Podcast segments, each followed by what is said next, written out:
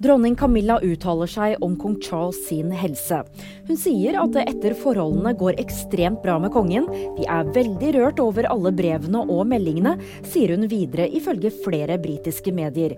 Tidligere denne uken så ble det altså kjent at kong Charles har fått påvist kreft.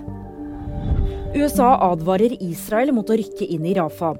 De mener enhver israelsk militæroperasjon i byen uten grundig planlegging kan bli en katastrofe.